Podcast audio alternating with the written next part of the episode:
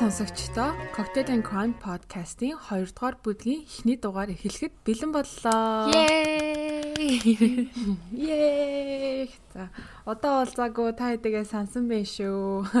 Тийш тий. Бараг жил уулзсангүй юу те?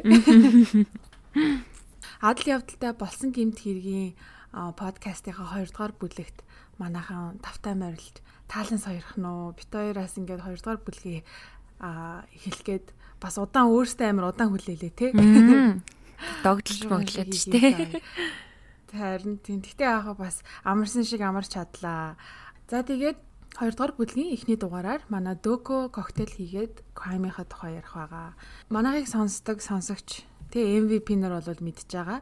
Угаасаа манай подкаст нь хүнд ноцтой гэмт хэрэгүүдийг детальчилж ярих учраас 18-аас дээш насныхан зориулагдсан бөгөөд зүрх судасны өвчтөй хар дардаг юмнаас амархан айдаг одоо эмзэгхэн дэлбэнүүд бол тохирохгүй бүлгөө. За тэгээд шин сонсогч байвал тавтай морил өмнөх дугааруудыг энэ нөхөд сонсоод бас MVP болцсон байх гэж бодож байна. За энэ удаагийнхаа дугаараар манай Дөко амир амттай коктейл хийсэн байна. Нэг час хийсэн. Тэгээ жоох юм гашуун одоо нөгөө нэг лимоны хүчилхэг амттай, миний дуртай амттай коктейл байна. Энэ коктейлийнхаа тухай жоох ярих уу? За тэгээ энэ бас л бит хоёр угаасаа айл болох айгүй амархан бөгөөд дуур дуурд нь хийжсэн коктейл хийжсэн найрлагуудаа хооронд нь холж утгаад хийчихэр юмнууд ерөөхдөө оруулж байгаа. Энэ маань ч гэсэн бас маш их амархан.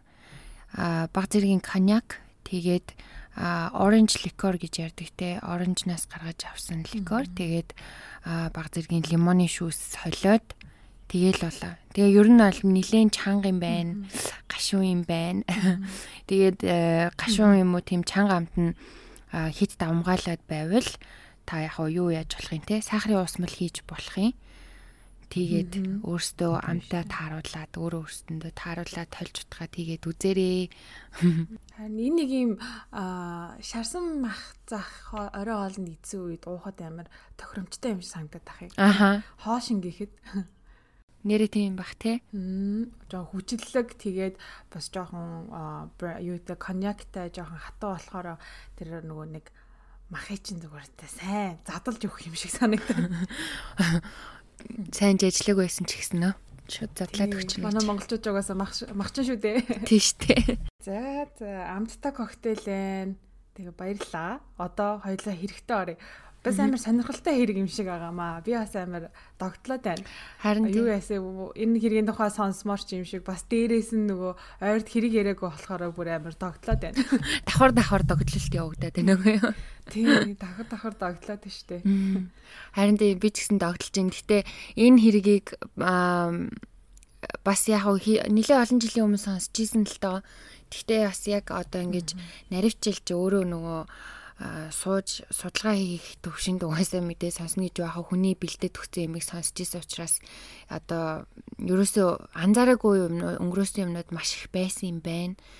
Тэгээд нилээн эдрээтэй а маш их мэдээлэл байдаг хэрнээ тэр мэдээллүүд нь бас хоорондоо зөрөөд айгүй яривхтай л хэрэг байна. Тэгээд сая юун дээр бол нэлээд удаан суулаа. Тэгээд маш олон баримтат кино болон одоо номнууд байдаг юм бэлээ энэ хэргийн тухай. Тийм учраас хэрвээ тэ таны сонссон зүйлээс зөржээх юм бол бас уучлаарай гэж хэлмээр байна. Миний одоо би өөрийнхөө хэмжээнд л зайлвал нэг жоохон судалгаа хийлээ. Тэгээд зарим нэг деталууд нэг жижиг шажиг деталууд үйл ялэг зөрж магадгүй тэгээд хүмүүр дор бүрнээ өөрөө өөрсдөө дүгнэлт хийгэрээ гэдгийг ямар ч ясаа эхлэхээ өмнө хэлчихье. За энэ удаа бол Рамзи гэдэг гэр бүлд тохиолдсон явдлын тухай ярих байгаа. За нилийн хэдэн жилийн өмнө буюу 1996 онд 100 сарын баярын өдрө болсон явдал байгаа. Тэгээ хоёлаа чи нөгөө нэг 100 100 сар шинэ жил гэд хамаг юм алгассан штэ.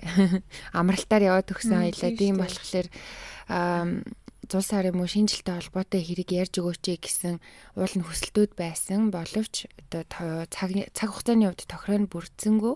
Тийм учраас яг уу нэх зулсараас бас нэх холдчихоогүй нэг байгаа юм чинь. Энийг бас холбогдуулаад ярьчих гэж бодлоо.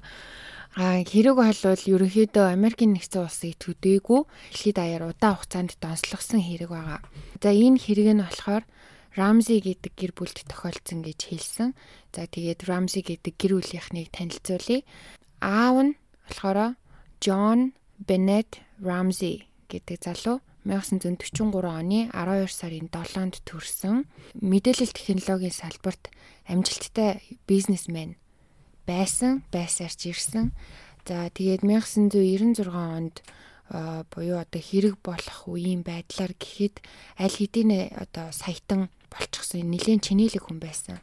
Ээж нь болохоор Патриша Ан Рамзи гэдэг эмэгтэй 1956 оны 12 сарын 29-нд төрсэн. Мэргэжлийн хувьд бол сэтгүүлчээр бакалавра төгссөн байна лээ. Гэхдээ сэтгүүлчээрээ ажилласан энэ гэсэн мэдээлэл байгаагүй. А ерөнхийдөө юу хийж исэн гэхээр залуугасаа л ер нь тийм мессийн тэмцээнд өөрөө ч ордог байсан, эгчин ч ордог байсан. Ер нь тийм тэгээд хүүхдтэй болсныхаа дараа хүүхдээ ч гэсэн мессийн тэмцээнд оролдог. Тэрэнд маш их ач холбогдол өгдөг. Ер нь тийм мессийн тэмцээнд маш хийдвэхтэй гүдэг байсан үе юм байна лээ. За энэ хоёр маань гэр бүл болоод хоёр хүүхэдтэй болсон.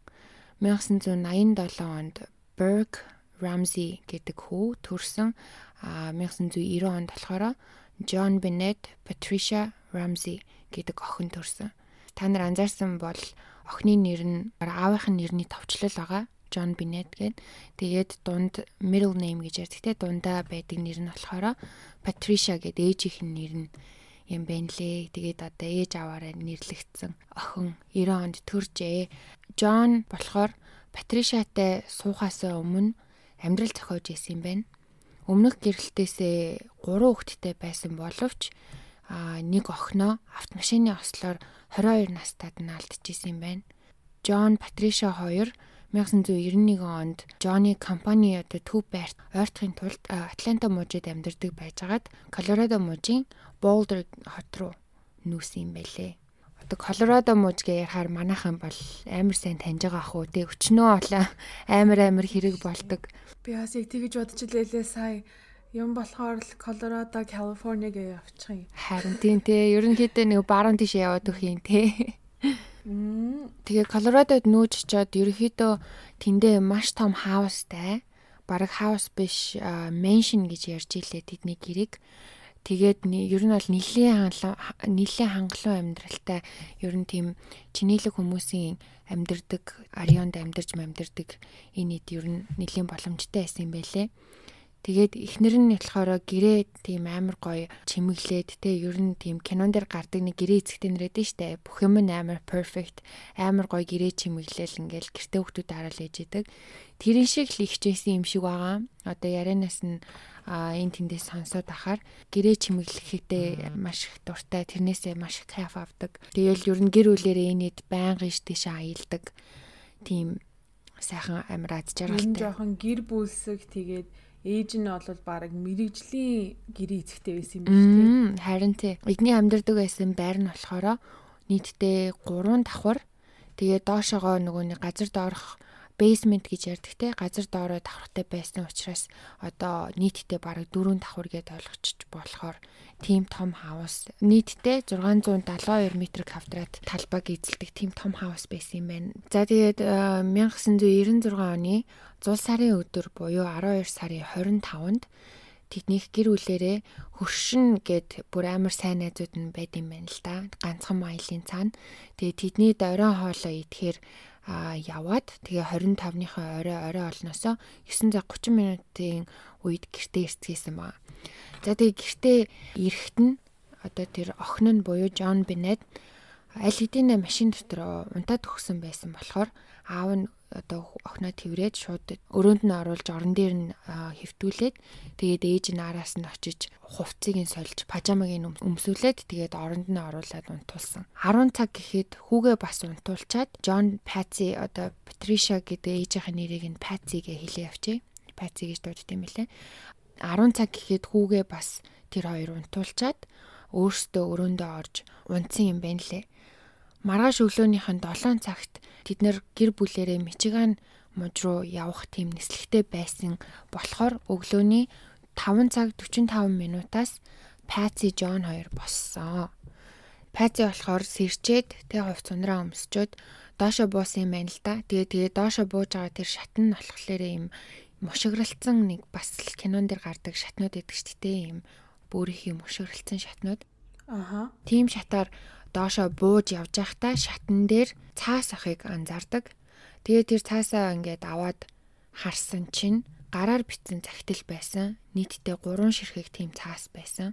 Захиаг гарчгалсан чинь ерөнхийдөө барьцаа нэгсэн охин чинь биднэрт одоо байгаа те охины амьд буцааж авмаар байх юм бол 118 мянган доллар өг гэсэн тийм шаардсан цагт цагтлээсэн. За тэгээ Паци ухаан жолоогүй мэдээж ээж хүнтэй сандран шууд сандраад нөхрөө дуудаад хашгирж ойрлоо охиныхоо өрөөг ороо шалгасан чи охины нь үнэхээр байгаагүй. Сандраад хүүгээ шалгахтал хүүн өрөөндөө байсан ч охин нь байгаагүй. Тэгэд хэдийгээр захтал дээр хин нэгэнд юм уу тэ цагдаад мэдэгдэж болохгүй болохгүй шүү одоо тэгэх юм бол би охины чи алын шүү гэсэн байсан боловч тэд нэр шууд 911-т дуудлага өгсөн.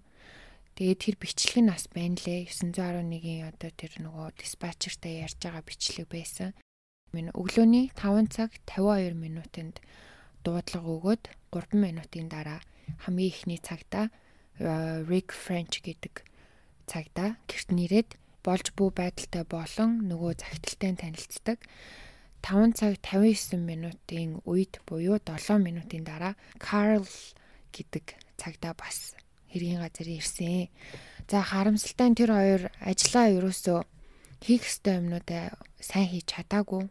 Бараг ер нь бол хийх ёстой юмнуудаа хийгээгүй орхигдуулсан гэрээг ерөнхийд нь хамгаалалтанд авч те гадны хүмүүс оруулах ёсгүй байсан боловч Джон Пати хоёр нөгөө цагдаа руу залгасныхан дараа ойр хавьд байдаг хоёр найз гэр бүл рүү залгаад тэгээ дээрээс нь бүр нөгөө явдаг сүмийнхээ пастор руу хүртэл залгацсан байсан. Тэр тэднэрийн нөгөө нэг цагдаа нартай бараг худалч хүнд өрсөж шахуу ирээл те нэг худалгүй эрсцгээгээл тэрүүгээр холхиол найзууд нь ерөнхийдөө тэрүүгээр ингээл сандралтаал мэдээж те үүмэн дэгдээсэн байна лээ. За 7 цаг гэхэд нөгөө хүү Birkin сэрээд хүүн сэрсэн учраас одоо зөндөө олон гэрт нь одоо зөндөө олон хүмүүс ирсэн. Дээрээс нь цагдаа магдаа нар гэ бужигнаад байгаа юм чинь гэ тэр хоёр хүүгээ найз ах руугаа өгч явуулдаг. За тэгээд 8 цагийн үед болохоро тэдний Linda Arndt гэдэг мөрдөн байцаагч ирж ажиллаж эхэлсэн. За энэ үүмийн дунд цагдаа нар одоо trauma буюу те тийм шоконд оруулсан явдал тохиолдсон хохирогчийг хамгаалж ч юм уу одоо сэтгэл санаагаар дэмжихээр тийм бүр бэлтгэгдсэн тийм хүмүүс байдаг. Тэр хүмүүсийг дуудсан байсан. Тэгээ тэр хүмүүс эрэхтэй цагирган талах буюу одоо донат гэж ярьдаг те цагирган талах болон кофе авчирч ирсэн байсан. Тэгээ хамгийн гол нь тэд нэр явахдаа галтгооны тавцан дээрхийг ашиглаж исэн. Тэгээ цагиргаан талах болон одоо нөгөө кофе энтрэ тавьсан байсан учраас тэнцээ талхны өрмөг унсан байсан учраас өөртөө нөгөө заваарт болсон гэж үзээд цэвэрлсэн байгаа байхгүй юу. Тэгээ цэвэрлэг цэвэрлэхтэй авчаад цэвэрлэгээний бодис цацаа цэвэрлсэн. Тэгэхээр одоо тэр ширээн дээр байж болох ямар л одоо эд мөрийн хэрэг байна те тэр болгоныг ачаа хийцэн. За тэр бол маш том алдаа байсан. Эхэндээ бол өрөөнөөс нь хүн ороод хулгайлаад гарсан гэж үтсэн учраас охины өрөөг л ерөнхийдөө энд бол уул мөр олдож магадгүй гэсэн үндслэлтэйгээр өрөөгийн л ганцхан хамгаалтанд авч хүмүүсийг оруулахгүй байсан. Тийм ч учраас ер нь хүмүүс хамаагүй те бусад цагдаа нарын ч гэсэн найзууд нь те бүгдээрээ хамаагүй гэрээр нь ингээ холигцоож байсан юм байна лээ. Тэгээ загтал бичсний дагуу Джон найз руугаа залгаад чи эдийн хэмжээний мөнгийг бэлдээtгээ одоо ингээд э, хүнд явуулах хэрэгтэй болчлоо гэдгийж хэлчихэд захианы дагуу тэд нар маргааш би ингээд тэдэс тэдэн цагийн оронд залгана тэгэхэд мөнгөө яаж одоо биднэрт дамжуулахыг чинь зааж өгөх болно гэсэн байсан боловч тэр цагт нь хүлээгээд байсан чинь ерөөсөө дуудлага ирээгүй. Өдөр нэг цагийн үед мөрдөн байцаагч Линда Джон болон одоо Johnny найз гэрт нэрсэн байгаа Fleet White гэдэг залуутай хамт хоёр ер нь ингээд те гэрээ нэг сайн тойроод нэгжээтгэх танахаас алга болсон юм уу? Эсвэл одоо байрнаас нь хөдлөсөн юмнууд юу вэ? Нэг сайн хараад Тэгээ бидэнд мэдэгдээдгээ гэд хэлсний дагуу тэр хоёр нэгчгээр явдаг. Зарим мэдээллийн сайт дээр болохоор уулын Линда хэлэхдээ дээр давхраас эхлээд доошо буугаарай гэж хэлсэн байсан чинь Джон шууд доошо буусан гэсэн мэдээлэл байсан. Гэхдээ тэр яг үнэн удлагыг нь мэдхгүй яг тэгж хэлсэн үг нь бас тодорхойгүй юм байна лээ. Гэхдээ ямар ч байсан Джон Линдагийн хэлсний дагуу байраа нийчгээр явхдаа хамгийн доотлын буюу бейсментээсээ эхлэхээр доошо буудаг. Төд удалгүй Джон охиноо барьчихсан доод давхраас гараад иртээ. Тэгээ яасан бэ юу болсон бэ гэсэн чинь бейсментэд нь мэдээж те том хаусны тийм том олон өрөөтэй бейсмент байгаа шүү дээ. Тэгээд өмнө нь цагдаа нар одоо нэг удаа доошоо бууж ингэж шалгалт хайлт ингэж шалгасан ч гэсэндээ гадны хүн орж ирсэн байлаа гэхэд хаашаа цугтаасан байж болох уу гэд юм нүх нүх одоо гарах гарц хайж исэн болохоос биш одоо цогцос хайгаагүй учраас бүх өрөөг тгий шалгаж үзээгүй юм байна л да. Тэгэл одоо тэр цонх байсан өрөөнүүдийг нэг хальт харчаад гарсан. Тэгсэн чинь Джон болохоор доотлын бүх өрөөгөө шалгаж явж хахад вино хадгалах зориултаагаар барьсан өрөө. Гэтэ ямар ч вино энэ төр байгаагүй зүгээр нөгөө агуулгах шиг навшаа хадгалдаг арга одоо монголоор харанхуй өрөө шиг зориултаар ашиглаж исэн тийм өрөөгөө онгойлгоод үтсэн чинь охин нь тэр доор хөвтчихсэн гинэ. Джон болохоор охиныгоо олоод шууд одоо дээр нь тавьсан байсан хүнжлийг нь холдуулаад өргөж аваад аман дээр нээсэн скотчийг нь бас аваад дээшээ гарч ирсэн байгаа. Тэгэхээр бас л одоо баахан нотлох баримт болох тэг магадaltaй байсан хэрэгт тус болох байсан байж болцсошгүй зүйлс харамсалтай нь үгүй болж байрнаасаа хөдөлснөөр олон төрлийн алдаа гаргасан байна. Дээшээ гарч ирсний дараа одоо тэр нөгөө Линда гээд мөрдөн байцаагч охины судсыг тэмтэрч үздэл охин аль хэдийн амьсгал хураасан байсан. Тэгээд Линда бас ахиад охины биеийг хөдөлгөөд өөр өрөөнд застан байсан 100 сарын модны доор хөвтүүлсэн байна. Одоо яагаад цогцыг ахиж хөдлөсөн учир нь болохоор охины аав нь доод давхраас одоо охиноо олж дээш нь гаргаж ирэхэд охин нас барсан байсан нь мэрэгжлийн хүмүүст байтугай баг энгийн хүмүүст ойлгомжтой байсан. Аав нь ч гэсэн баг мэдчихсэн бах. Тийм ч болоод охиноо одоо барь тэгж барьж исэн бах. Яаж барьж исэн гэхээр одоо хүн чинь хүүхдээ хайж байгаа тохиолдолд ямар амар сандралтай ах уу, олохороо ямар их баярлах уу тийм тэврээл аавны зүтэй тий. Тэгсэн чинь аав нь дээшээ охиноо барьж гарч ирэхдээ айгуу сонио ингээд одоо ингээд төсөөлөрөө за охин нь ингээд хоёр гараа толгой дээр ингээд дэше өргөцсөн заяо. Одоо хүүхдийг гарын дэш нь өргүүлээд зогсоож ийн гэж бодоод бэлхүүснээс нь таазнаас нь ч юм уу бэлхүүснийхэн тэр аваас нь ингээд барьцсан. Тэгээ охин нь тэр чигээр ингээ хоёр гарын дэше ингээ өрөөгцэн хэвээрээ. Джон болохоор биенээсээ охиныг айгу холдуулсан. Хол ингээд гараа сунгасан байдалтай барьж гарч ирсэн. Яасан гэхлээр охины бие аль хийж аль хэдийн нөгөө нас урсны дараа хугацаа өнгөрсөн учраас хөшчихсэн байсан. Тэгээ тийм ч учраас нөгөө хоёр гар нь дээшээ өргөсөн хിവэр байсан. Тэгэхээр аав нь ч гэсэн ерөнхийдөө цогцыг олоод тэр доор нь баг охиныг нас орсныг ойлгосон бах. Тийм ч учраас одоо тэгж өөрөөсөө холд холдуулж барьж ирс гарч ирсэн бах гэж бодож байна. Тэгээд одоо нөгөө мөрдөн байцаагч Линдагийн хэлснээр болохоор угаасаа би охинд ингээд ойртоход аль хэдийн өмхирөөд эхэлсэн байсан те үнэр ялгарч исэн тийм учраас өөр өрөөнд аваачиж тавьсан юм а гэж хэлсэн байгаа. За тэгээд нөгөө зул сарын зассан модны доор охиныг аваачиж тавьсны дараа аав нь аваачаад дээрээс нь дахиад нэг өөр бүтээлгээр бүтээчихсэн. Бас л дахиад нотлох баримтууд янз бүрийн юм устдаад ч юм уу одоо тэр хүнчлэн дээр яасан хамаагүй юм охинд наалдах ч юм уу тэгээд тэр тэр нь одоо цаашдаа хэргийг бас дөмөрдөх ажиллагаанд маш их одоо саад болох ч юм уу тиймэрхүү үйл явдал ер нь иймэрхүү алдаанууд маш их гарсан. За тэгээд эцэст нь явж явж гэдэг шиг охины цогцыг олсны дараа тэр гэрийг ер нь бүхлээр нь энэ бол хэргийн газар юм байна гэж авч үтсэн учраас тусгай хамгаалтанд авдаг. Coroner буюу одоо хүүр байцаагч гэх үү те ирээд аль бие осоор охины нас барсныг зарлсан боловч бас л ажлаа гүйцэд хийгээгүй улмаас охины бүр яг хитэн цагт хэдий үед нас барсан гэдгийг тодорхойлоход тус болох хоёр чухал дээжсийг биенээс нь аваагүй юм билээ. Тэр нь болохоор нэгдүгээр биеийн дотор халууныг хэмжээгүй, хоёрдугаарт нүдэнд байдаг vitreous humor гэлүүд нэг тийм нэртэй юм гээлэн тийм нүдэн дотор байдаг юм байт юм байна л да. Одоо шингэн тэрнээс дээжээс авах хэрэгтэй байсныг бас аваагүй. 1 цаг 40 минутын үед цагдаа нар Джоныг уцаар ярьж байхын сонсчтээ. Тэгсэн чинь Джон уцаар юу гэж ярьж исэн гэхлээр энэ нийт чинь нөгөө Атлантагаас нүүж ирсэн шүү дээ. Тэгсэн чинь Атланта руу нөгөө гэрлүүгээ гэр бүлээрээ явах тийм онгоц бэлдүүлж байсан. Тэгээд охиныхон цогцыг юу вэ одоо 41 40 гэдэг чинь одоо 35 минутын өмнө олцоход одоо аль үжи явах бэлтгэлээ хийж ийн гэж ботхоор бас их сонир. Тэр яриаг цагдаа нар сонсчоод чи одоо явж болохгүй те танайхан одоо энд байх хэвээр хэрэг дөнгөж эхэлж гин те та нартай одоо ярилцах хэрэгтэй ч юм уу ямар ч байсан энэ мужийг орхиж болохгүй үлдэх ёстой гэдгийг хэлдэгэ. Тэгээд онгоцноос гадна нууцаар бас Джон хуульч руугаа залгаад маш хурдан өөрөө бас баг бүрдүүлж чадсан. Джон Пази хоёроос болохоро бичгийн хэлбэрийг нь харьцуулахын тулд тест бичвэр бичүүлж авахаас гадна Burke гэдэг нөгөө нэг 9 настай ах байгаа шүү дээ. Ах нь байгаа шүү дээ, тий. Тэр болон одоо аав ээжтэй нь гуруулангаас нь үс цусны дээж авсан бөгөөд альбан бус ярилцлага авч амжсан. За тэгээд одоо мэдээж мөрдөх үйл ажиллагаа эхэлж байгаа. Ойр хавийнхан амьдарч байгаа хүмүүсээс болон тэдний гэрт өөрийн гэсэн түлхүүртэй шууд түлхүүртэд орчдөг хүмүүсээс ярилцлага авсан юм байна л та. Тэгсэн чинь гурван хөрш мэдүүлэг өгснөөс Нэг нь болохоор манайх нохоотой хүн ингээд байшингийнх нь урдуур хойгоор явхад байн хуцдаг. Тэгээ манай нохоо бол хуцаагүй гэж хэлсэн. Хоёр дахь хөрш нь юу гэж хэлсэн гэхээр Рамзегийнхний галзууханд нэг тийм сонин гэрэл хөдлөөд байсан урчин гэж хэлсэн байна. Гурав дахь хөрш нь юу гэж хэлсэн гэхээр эхнэр нь хүн ойрлох чимээ сонсоод нөхрөөс ирээсэн.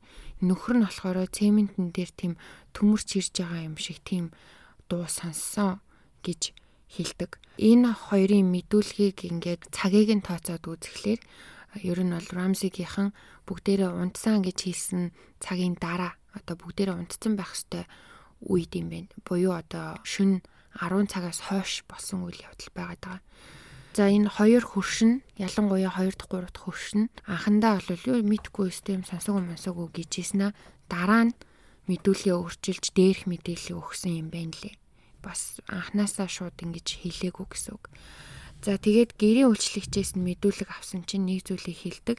Тэр нь юу байсан гэхээр Джон Бенет охин ерөнхийдөө орондоо шийчээд байдаг тийм уур зуршилтай. Тэгээд э, өглөө ажилдаа ирэхэд нь Паци дандаа л орд ирнийхэн даавууг нь угаах гэд ч юм уу угаагаад ээжэдэг байсан гэдгийг хэлдэг. Тэгээд угаасаа урд нь хэлжсэн те маш олон алдааг одоо санаатай юм уу санаандгүй байдлаар гаргасан юм байна лээ.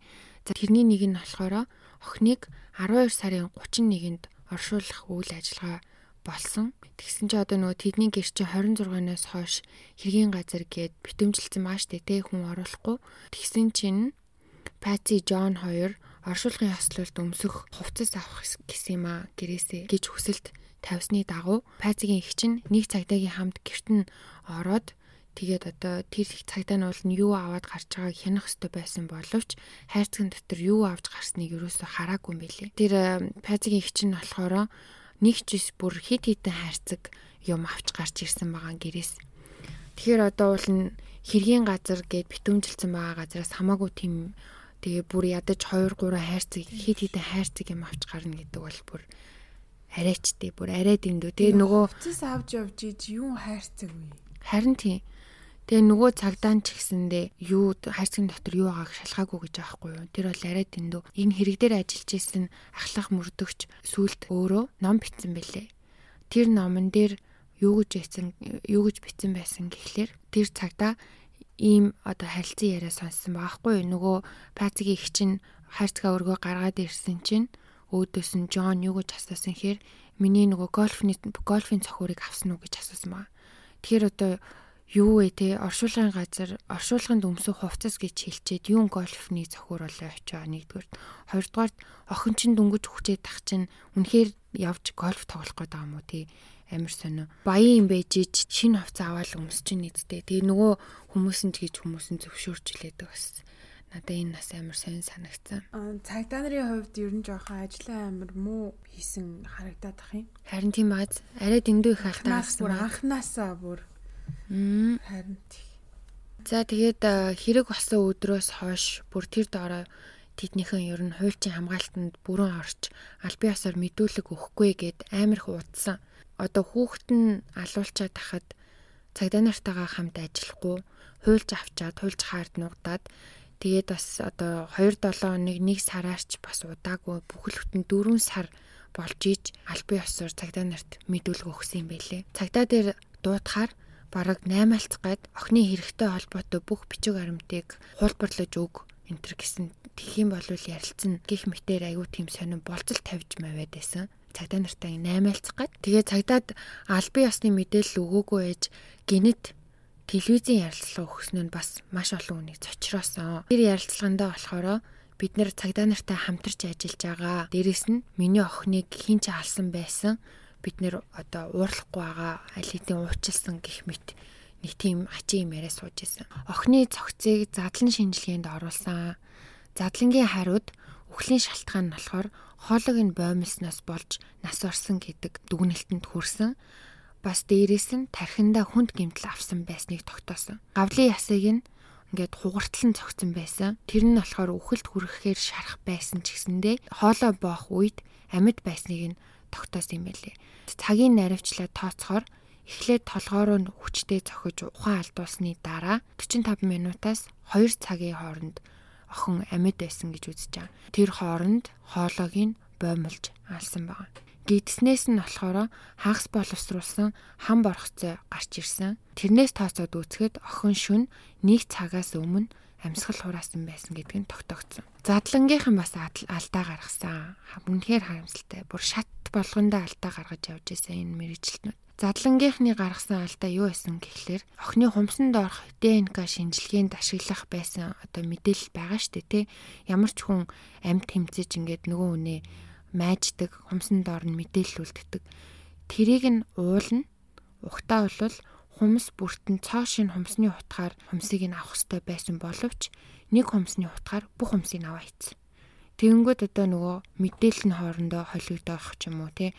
Ер нь бол тэр шинжилгээ өгөхөд бас айгүй хүндрэл учруулдаг юм байна л да. Зөв хариу гарахт нь ер нь бол хүндрэл учруулж байна л гэсэн үг юм байна л да. Охны хөлн дээр цус байснаас гадна бэлэг эрэхт нь шархалсан байсан.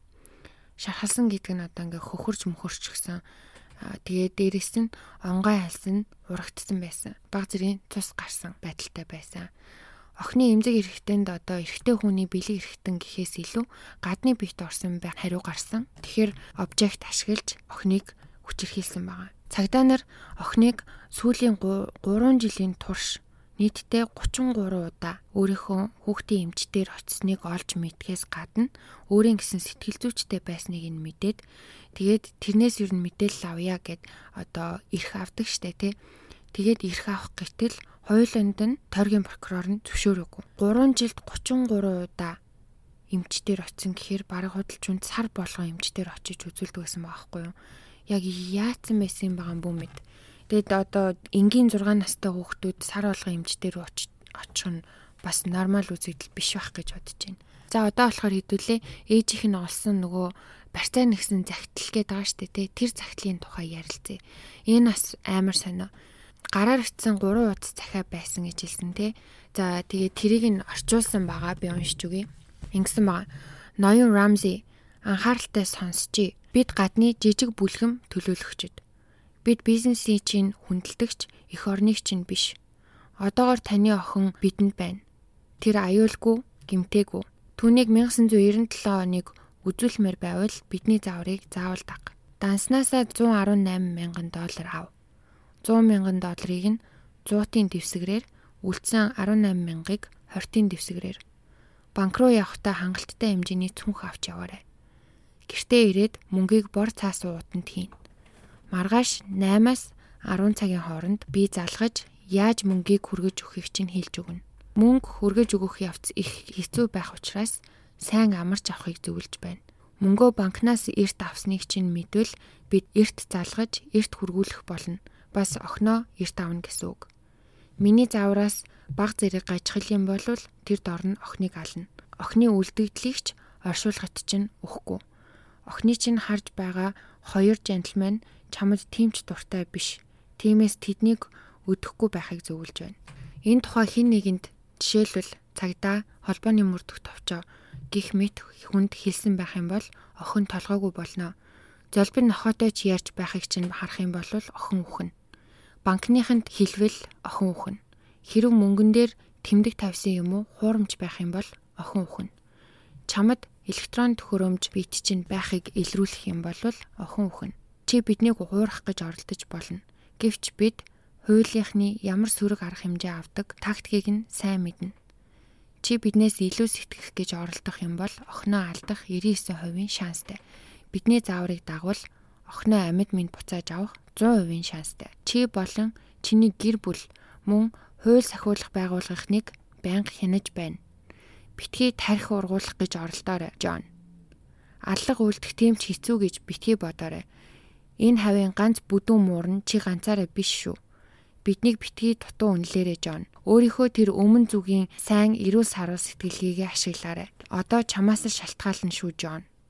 Ялалт гингүүтээ SBTC гэсэн гарын үсэг шиг юм зурсан байна. За тэгээд мэдээж номер 1 асуулт бол мэрэгчлэтнүүд болон энгийн хүмүүс хүртэл яагаад ийм урт сонин захиа бичих болвоо гэж асуусан. Ер нь аль мэрэгчлэтнүүдийн хэлж байгаагаар бол бидэнд хүүхэд чинь байна. Тэдэн доллар өг тэгж тушаа гэсэн үсрээл 4 5 өгүүлбэр байдаг те богино тусмал сайн байдаг тийм одоо зүйл шүү дээ. Тэгээ дээрэс нь одоо ийм ransom note гэж ярьдаг те игний чинь бүр гэрээсээ ерөнхийдөө бэлдээд ирдэг юм байна л да.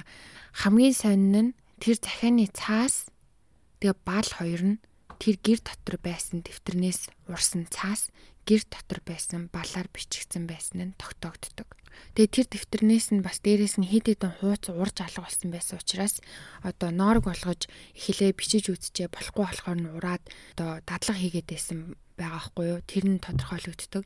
Тэгээ мэрэгчлэтнүүдийн үдж байгаагаар болохоор нийтдээ тэр захиаг бичгээд дор хаяж 21 минут зарцуулсан байгаа хгүй юу. Тэгэхээр амар тухтаа үтсэн байгааз бүр захиагаач бэлдээчгүй ээжиж өө за за тэднийд очиод бичнэ гэж одоо явцсан машин дээ. Тэгээ очингуудаа тэдний ямиг ашиглацсан дээ. Гэрээс нь үзэг цаас олонгуудаа бичсэн. Тэгэнгүүтээ тэр захианыхаа битсэн байдал нь бас амар сонин. Джонтой ойр дотн хүн юм шиг битсэн байгаа. Эхэндээ яг уу ноён Рамзи энтер гэсэн мөртлөөсөө сүүл рүүгээ Джон Джон Джон гэд нэрээр нь дуудаа явцсан байна. Тэгэхээр Джоныг ерөнхийдөө таньдаг хүн шиг болж таарж байгаа. Тэгэд ер нь ямар хулгайч хулгай хийж байгаа хүмүүсээ амар сүрхий бодоол за том цүнх авчирхаа мартваа сайн амраад аваарэ бараг л кофегаа уухаа мартваа ухаан юм яриад тийм ийм сони юм ярьдаг ерөөсөө ийм ransom note бараг одоо түүхэндээ байгаагүй гэж аахгүй юу хин ч ингэж анхаарал тавьдаггүй. За тэгээд захидал дээр 3 киноноос иш татаж үлгэрлсэн байсныг олж мэдсэн. Тарих ургуулах гэж битгий оролдоорой. Ингүүл охин өхөн, тэгвэл охин өхөн энэ тэгээд байсан хев маяг нь одоо тэр 3 кинонд гардаг гэж ярьж илээ. За тэгээд захианы туршид бичгийн дөрмийн алдаа гаргасан байсан боловч тэр нь санаатай юм шиг байгаа. Яагаад тэгэхээр өөр олон тийм одоо fancy үг гэж ярьдаг те одоо айгу том том өдөр тутам ашиглагддгүү тийм албан ёсны сонин сонин үгнүүд гинт гинт орж ирсэн байсан нь ер нь тэр цагтлыг бичсэн хүн боловсрал сайтай боловсралтай хүн бичсэн гэдгийг тодорхойлж байсан. Тэгэхээр ер нь тэр жижиг сажиг өдөр тутмын үгнүүдийг алдаа гаргаж буруу бичсэн байсан нь ерөөхдөө албаар тэгж бичсэн байх гэсэн таамаглал байдаг. Химжилж буй мөнгөн дүн нь болохоор 118 мянган доллар. Яагаад ийм сонин бутархай мөнгө асууж байгаа юм бол те Жон ч уулын тухайн үедээ 5 6 сая долларын хөрөнгөтэй саятан хүн байх чинь яагаад тийм баг хэрнээ тийм амар тодорхой тоо хэлсэн юм бол те бас нөгөө нэг мэрэгжилтнүүд хэлэхдээ ер нь ийм хүүхд мөхтөр нь барьцаалж мөнгө нэгж байгаа хүмүүс тэр гэр бүлд байгаа бүх мөнгийг судалчаад тэгээд тэр хэмжээгээр нэгтэг гэж аахгүй. Тэгэхээр энэ хүн бол амархан 5 сая доллар гэж нэхэж болох боломжтой байсан байгаа байхгүй. Джон Паци хоёр нөгөө нэг цагдаа нартай ерөөсөө юм ярихгүй байсан гэсэн штэ. Тэгсэн чинь Джонny туслах нь нууцаар цагдаа нарт Джонny санхүүгийн мэдээлэл өгчихсөн. Тэрэн дээр Джон тэр жил зул сарын бонус гээд 118 мянган доллар авсан байсан нь ил гарч ирдэг. Тэгэхээр Джонny одоо зул сарын бонусыг мэддэг хүн болж таарж байгаа юм тийм ээ. Тэгээ дээрэс нь одоо үнэхээр мөнгнөөс болсон юм бол охиныг яагаад алсан юм? За санаатай юм уу санамсаргүй байдлаар алдсан байлаа гэж ботход яаж ч утсан биеийг нь авч яваад тэгээ цогцыг нь авч яваад мөнгөө салгаж авахаа боддгоо юм уу тий одоо өгсөн үгүйг нь мэдэхгүй шүү дээ энэ хүмүүс чинь Тэгэхгүй яагаад цогцыг нь бүр гэрт нь үлдээч үү? Ийм урт захиаг яагаад бичиж бэлдээд ирээгүй юм бэ гэртээ.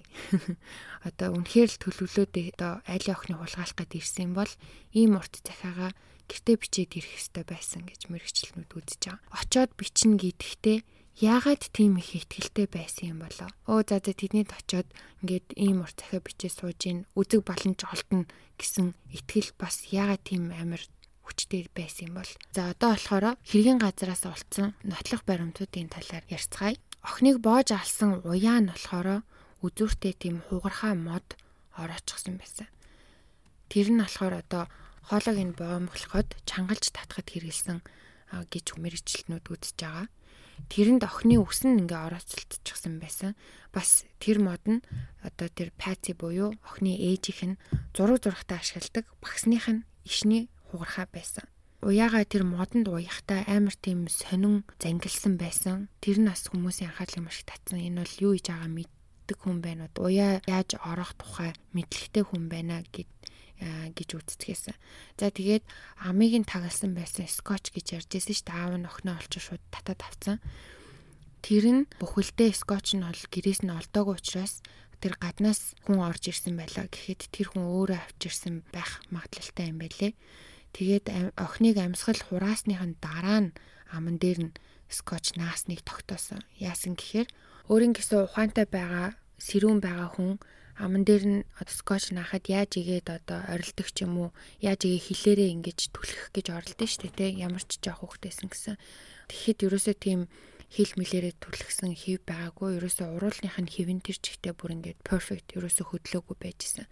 Тэгэхээр ер нь ухаан алдсныхан дараа нь юм уу эсвэл нас орсныхан дараа нь тэр скотчийг аман дээр нь наасан байхыг тогтоодог. Цогцсных нь хажууд болохоор хайтегийн тийм гутлын мөр байсан нь аав ээжийнх нь альнийх нь ч биш байсан. Эзнийг нь олоход мэдээж маш хүндрэлтэй. Яагаад тэгэхээр гэр дотор нь маш олон хүн зөндөө удаан холхилчихсан тий. Тэг хэнийгч байж болно. Тэр байтугай одоо нөгөө цаашаа шинжилгээ хийхэд тэр гэр нь бүр ингээд бүр мэрэгчлэтнүүдийн юм хар дарсан зүүчиг юм байсан. Яагаад гэхэлэр битүүх өөр өөр хүмүүсийн ДНК бүр эн тэндгүү. Яагаад гэхээр Паци нөгөө нэг гэрээ амар гоё чимэглэх дуртай хүн байсан гэсэн штеп. Тэгсэн чинь гэрээ музей шиг тийм үзүрт үзүрт бүртгүүлчихсэн Тэгэхээр зөндөө олон хүмүүс ингээд танихгүй хүмүүс гэрийг үцэх гэж олноор байнга орж ирдэг байсан байгаа байхгүй юу. Одоо нөгөө 100 сартаа бэлтэж гин гэд чимгэлж гин гэд дөрвийн дөрвөн хүн хөрсөлж бас хийлгэсэн. Бараг худалчуун дөрөө болгондоо гацуур засчихсан тий. Тэгэхээр маш олон хүн бүх өрөөгөөр нь явсан бүх юмд нь хүрсэн одоо бүр нийтийн паблик газар шиг айлын гэр биш те нийтийн газар шиг тийм байсан юм байна лээ. Тэгэхээр үнэхээр тэр хүмүүсийн ажиллаа хийхэд нь амар их саад болж исэн гэд. Задлангаар охины гидсэнд нөгөө нэг хагас боловсруулсан хамбархцай байсан гэж хэлсэн дээ, тэ. Тэр болохоор цагдаа нар хэргийн газрыг баримтжуулж зургийг авч явахдаа ширээн дээр аягтай хамбархцай байсныг анзаарсан. Тэгээ хурууны ээгийн шинжилээд үзсэн чинь аяган дээр Берг буюу охины ахын хурууны хээ байсан. Тэр дөрөв чинь нөгөө нэг 25-нда найзындаа хоол идчихэд ирсэн штэ. Тэгэхэд тэднийх одоо тэр хоол хийсэн айлт болохоор ерөөсөө огт хам борхцоо байгаагүй. Тэр айлаасаа гэртээ ирэх оронд охин унтсан байсан тэр чигээр нь унтуулсан гэж хэлсэн штэ тий. Алхаасаа өмнө ямар ч байсан химбгойч алсан бай хам борхцоо охинд идүүлсэн байгаа байхгүй юу. Тэгээ жимс идээ явж гин гэдэг чинь охин өөрөө ингээд дагаа явж гин жимс идээд ингээд зүгээр явж гин гэдэг чинь охины таньд хүн болж таарж байгаа юм шиг байна тийм ээ. Эсвэл ээж аав нь шууд унтсан гэж худлаа ярьсан болж таарж байгаа. Тэр байтугай хам борох цаг Беркет ч гэсэн одоо хүүдээ ч гэсэн өгөөгүй Берк бас шууд өрөөндөө ороод унтсан. Өглөө цагдаа нар гэрт нь ирснээс хойш 2 цагийн дараа сэрсэн гэж ээж аав хоёр нь яриад байгаа ш. Тэгсэн чинь Пацигийн 911-т өгсөн дуудлага байгаа. Тэрийг мэрэгжилтнүүд тодруулаад ингээд наривчлаад ойртоо сонссон чинь уцаа тавихаахаа өмнөхөн хүүн Берк юу олсон гэж гэдгсэн чинь Джон аав нь чамтай яриаггүй байна гэд хоорондоо ярьж байгаа ярьж байгааг сонссон гэж хэлж байгаа хгүй юу. Гэхдээ одоо хоёлаа ч юм уу одоо манай сонсогчд ч юм уу тэр бичлэгийг ингээд энгийн хүний чихээр одоо ингээд энгийнээр сонсоод зэх юм бол огт тийм яриа ерөөсөө байхгүй. Тэгэхээр мэдээж одоо нөгөө аудиотой ажилдаг хүмүүс одоо нөгөө нэг холдуулж ортуулдаг ч юм уу мэдээж боломжтой байх. Тэгэж сонсоход л сонсогддог гэж байна. Тэгэхээр 911-ийг чинь өглөө 5 цагийн үед дууцсан гэхээр хүүгээ болохоор 7 цагаас өмнө сэрээгүй огт сэрээгүй гэдэг байгаа штэ тий. Тэгэхээр бас худлаа яриад байгаа байхгүй юу? 5 өнгөрч яхад сэрүүн байсан болж таарч байгаа. За тэгээ ДНК-гийн шинжилгээгээр бол 2003 онд охины дотор хувцсан дээр байсан цусыг үл мэдэгдэх эрэгтэй хүний болон охины цус хоёр холилдсон байна гэж тогтоогдсон. Тэр нь Рамзигийнхантай ямар ч холбоогүй байж таарсан ээж ихтэй ч таараагүй, аав ихтэй ч таараагүй, ах ихтэй ч таараагүй гэсэн үг.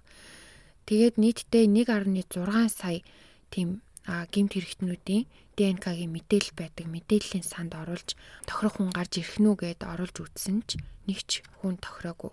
2016 онд технологи илүү хөгжсөний дараа ахаад нөгөө шинжилгээгээ хийгээд үзсэн чинь тэр цус нь нэг биш хоёр хүний ДНК байсныг тогтоодог. За тэгээд хэрэг дээр ахалж ажиллаж исэн мөрдөгч Джеймс Collar гэдэг хүн хэлэхдээ хоолой бомлоход ашигласан уяа болон тэр хугархаа багсны бариул дээр эрэгтэй хүний ДНК байсныг бүсийн прокурор Mary Lacey гэдэг хүн ерөөсөө ярихгүй байна. Холбооны мөрдөх товчооны одоо профайлер гэж ярьдаг те. Тэрэг үйлцэн байдал юм уу? Хэргийн газар энтрийн одоо анализ хийгээд хэрэгтэн хэрэг үйлдэгч ерөнхийдөө ийм хүн байх боломжтой. Одоо ийм хүн байна гэдэг нөгөө профайл гаргаад ирдэг штэ тий. Зам төлөө энтриг нь. Тим мэрэгчлэн Candace DeLong гэдэг нэртэй хүүхэн байсан. Тэр болохоор ДНК-нууд нь алуурчных байх гэж бодож исэн боловч шүүх хэмнэлгийн патологч болохоор Michael Baden гэдэг хүн байт юм байна. Тэр нь болохоор энэ мэдээллүүд ер нь бол хаанаас ч хизээч хинээс ч ирж байсан одоо байсан байх боломжтой хэргийн өмнө ч байсан байх боломжтой дараа нь ч гарч ирсэн байх боломжтой гэж үзсэн. Ягаад тэр мэдээж ойлгомжтой те тэр газар тэрний герт нь маш олон хүн одоо эргэлддэг байсан учраас яг хизээ тэр одоо уул мөрийг үлдээсэн гэдэг нь тодорхойгүй байсан гэж аахгүй юу? Basement нь буюу одоо тэр доод давхарт нь нэг цонх хангархай байсан бөгөөд цонхных нь яг тэр чанх доор нь нэг том чимдаан байсан. Тэгэхээр тэр цонхоор одоо хүн гарч орсон байх магадлалтай ч гэсэндээ бас асуудалтай. Цонх яагаад хагарсан гэхээр Джон өөрөө хагалсан гэдгийг хүлээн зөвшөөрдөг. Өмнөх зун нь түлхүүрээ мартаад тэгээд ихнэр нь эцгүй байсан учраас цонхоо хагалж орсон. Уул нь ингээд застан байх гэж утсан чинь засаагүй байсныг нь мэдсэнгүй яах нөгөө баян хүн өөрөө цонхоо засахгүй нь мэдээж тэг хүн л хүслэх байлгүй. Тэгэл засцсан л юм бах гэд ингээ ботцсон. Яж ил амар том хавстай болохоор тэрийг ерөөсө тоогоогүй юм байна л да. Тэр цонхон доор байсан чимдам дээр гიშгээд дээшээ авирсан ч юм уу орж ирэхдээ тэрэн дээр шат болгож ашигласан гих одоо таамаглал байдаг. Тэгтэл Джонни найз нь энэ чимдам энд байгаагүй маа энэ хажууд нэсэн би энийг ингэж холтуулсан холтуулж хөдлөхтөө яг энэ доор тавьч тавьчихсан юм а гэдгийг бас хэлдэг. Цонхныхын тэнд нь болохоор тийм Азийн шүлс байсан. Тэр нь одоо хэрвээ цонхоор хүн орж гарсан байвал тэр Азийн шүлсийг одоо заавал хөдлөхсөн юм уу? одоо арилаад өөрөө биеэрээ ингээд арилахгүйгээр орж гарах боломжгүй гэж үзчихсэн. Тэгсэн боловч бас нөгөө талдаа болохоор охиныг алчаад одоо алууч үнэхээр цонхоор гараад Азийн шүлсийг аваад гарсан байсан ч гэсэндээ тэр шөндөө өглөө охины цогцыг олтол дахиад аалз шүлсээ ингээд тороо татчих боломжтой хугацаа гэж үзэж байгаа байхгүй юу. Тэгэхээр тэр аалзны шүлс баг хэрэгт хамаагүй болчихж байгаа. Одоо тусламж үзүүлэх хэрэггүй болчихж байгаа. За одоо болохоор хэрэгт сэжиглэгдсэн хүмүүсийн тухай ярьцгаая. Мэдээж цагдаа нар шууд гэрийнх нэг инсэж хэлсэн. Яагаад тэгэхээр статистикаар авч үзэхэд хүүхдийн аллагын 54% нь гэр бүлийнхээ юм уу асран хамгаалагчтай нь холбоотой байдаг гэсэн зүйлт байдаг юм байна. Огт танихгүй хүн байх нь ерөөсөө 6хан хувийн шанстай. Дээрээс нь одоо нөгөө угаасаа гаднаас хүчээр орж ирсэн ямар ч тэмдэг байхгүй. Халах цайжийн янз бүрээр оролцсон уул мөр байхгүй. Тэгээ Колорадо мужи гэдэг чинь 12 сард бол цас ихтэй газар цастай байсан. Цасан дээр хөлийн мөр эн тэнд байх ёстой байсан байгаагүй. Тэр урт захидал дээрэс нь одоо гэр дотор байсан зүйлсээр захиа бичгээс гадна охиныг ч гэсэн өнөөхөд ашигласан. Дээрэс нь өглөө цагдаа нар ирэхэд Паци аль үжээ нүрэ ботчихсан. Тэгээд өчтөр орой нөгөө нэг найзынтай хоол идэхээр явахдаа өмссөн хувцас тэр чигээр өмссөн байсан гэсэн. Бас асуулт гарч ирж байгаа хгүй юу? Хизээдээ нүрэ ботцیں۔ За яг хөө сэрчээд хүүхдүүдэд шалахаас өмнө нүр амаа ботсон байлаа гэж үтэй. Яагаад өчтөр шөнийхэн хувцсыг солиогүй юм? Ийм баяа али эзэгтэй гэр орны тэр засал чимэглэлд маш их ач холбогдол өгдөг хүн өөрийнхөө ч гэсэн гоо үзмжинд маш их ач холбогдол өгдөг байх гэж бодож байна. Тэ угаасаа охиноо ч гэсэн өөрөө ч гэсэн тийм загварын шоунд ордог байсан гэсэн шүү дээ. Тэ тэгэхээр мэдгүй өчтөр шүн баярын зоогт өмссөн хувцаа маргааш нь гэр бүлийнхэнтэйгээ аялахаар онгоцон цугтаа өмснө гэж үү те тэр бас аюу бас сонин одоо с ิจ гтэй байсан гэх юм уу те дээрэс нь нөгөө аяр чинь цагдаа нарт ерөөсөө тус болохгүй тус болохынхаа оронд хуульчийнхаа ард нугатаад байсан штэ тэгээ албан ёсоор ярилцлага өгөх гэж бүр одоо 4 сар болсон гэж хэлсэн тий. Тэрнээс гадна нөгөө нэг lie detector test гэж яддаг штэ тий. Хотлоо ярьж байгааг нь мэддэг төхөөрөмж.